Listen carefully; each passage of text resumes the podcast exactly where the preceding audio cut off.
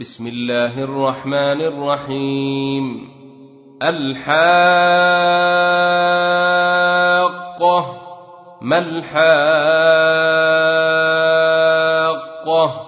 وما أدريك ما الحاقة؟ كذبت ثمود وعاد بالقارعة.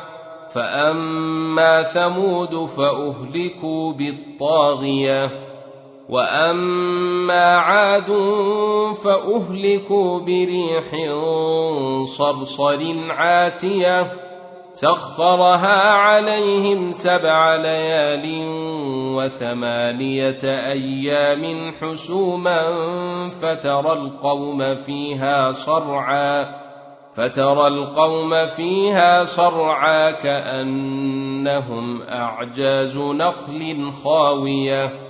فهل ترى لهم من باقية؟ وجاء فرعون ومن قبله والمؤتفكات بالخاطئة. فعصوا رسول ربهم فأخذهم أخذة رابية.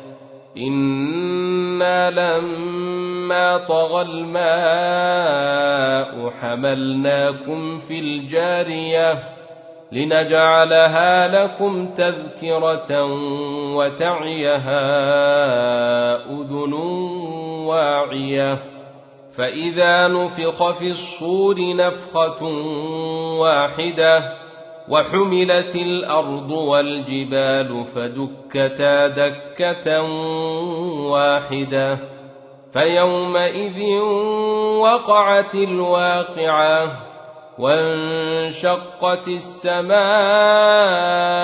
فهي يومئذ واهية والملك على أرجائها ويحمل عرش ربك فوقهم يومئذ ثمانية يومئذ تعرضون لا تخفى منكم خافية فأما من أوتي كتابه بيمينه فيقول هاؤم اقرءوا كتابيه إني ظننت أني ملاق حسابيه فهو في عيشة راضية في جنة عالية قطوفها دانية كلوا واشربوا هنيئا بما أسلفتم في الأيام الخالية. واما من اوتي كتابه بشماله فيقول يا ليتني لم اوت كتابيه ولم ادر ما حسابيه يا ليتها كانت القاضيه ما اغنى عني ماليه هلك عني سلطانيه خذوه فغلوه ثم الجحيم صلوه ثم في سلسلة ذرعها سبعون ذراعا فاسلكوه إنه كان لا يؤمن بالله العظيم ولا يحض على طعام المسكين. فليس له اليوم هاهنا حميم ولا طعام إلا من غسلين.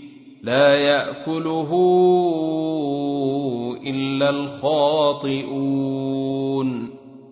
فلا أقسم بما تبصرون.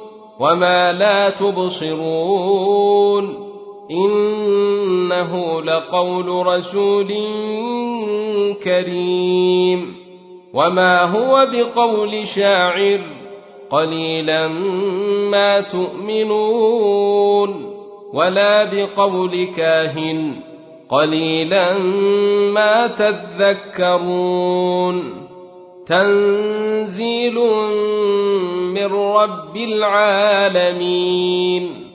ولو تقول علينا بعض الأقاويل لأخذنا منه باليمين ثم لقطعنا منه الوتين. فما منكم من أحد عنه حاجزين. وانه لتذكره للمتقين وأنا لنعلم ان منكم مكذبين وانه لحسره على الكافرين وانه لحق اليقين فسبح باسم ربك العظيم.